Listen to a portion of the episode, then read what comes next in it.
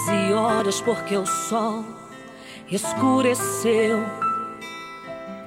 Ainda é dia, mas a noite apareceu.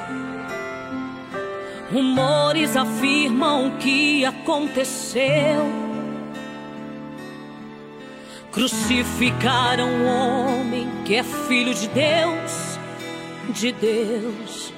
E a caminho de Emaús o mestre apareceu.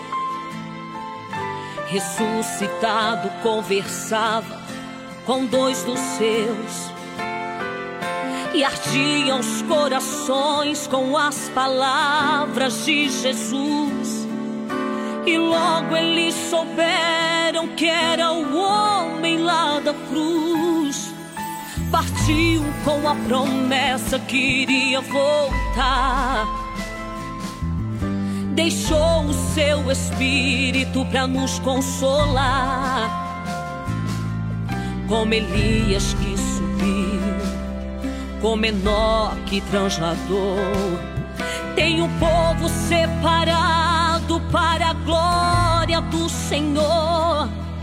Com uma noiva preparada esperamos adornada que aguarda o esposo para ser arrebatada. Como as virgens tão prudentes reservaram seu azeite, eu mantenho minha lâmpada acesa e reluzente. Ai daqueles que mancharam o altar triste para aqueles que não souberam perdoar.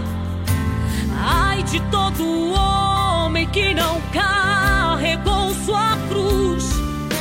Morte para os que rejeitaram a Jesus.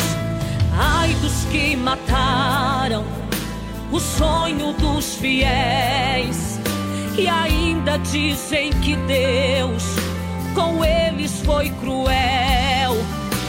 Ai de todo joio que ao trigo quis matar. Na hora da colheita, o ceifeiro foram lançará. Ai daqueles que ao céu não subirem e aceitarem a marca do anticristo que surgiu de todo homem que não quis se converter.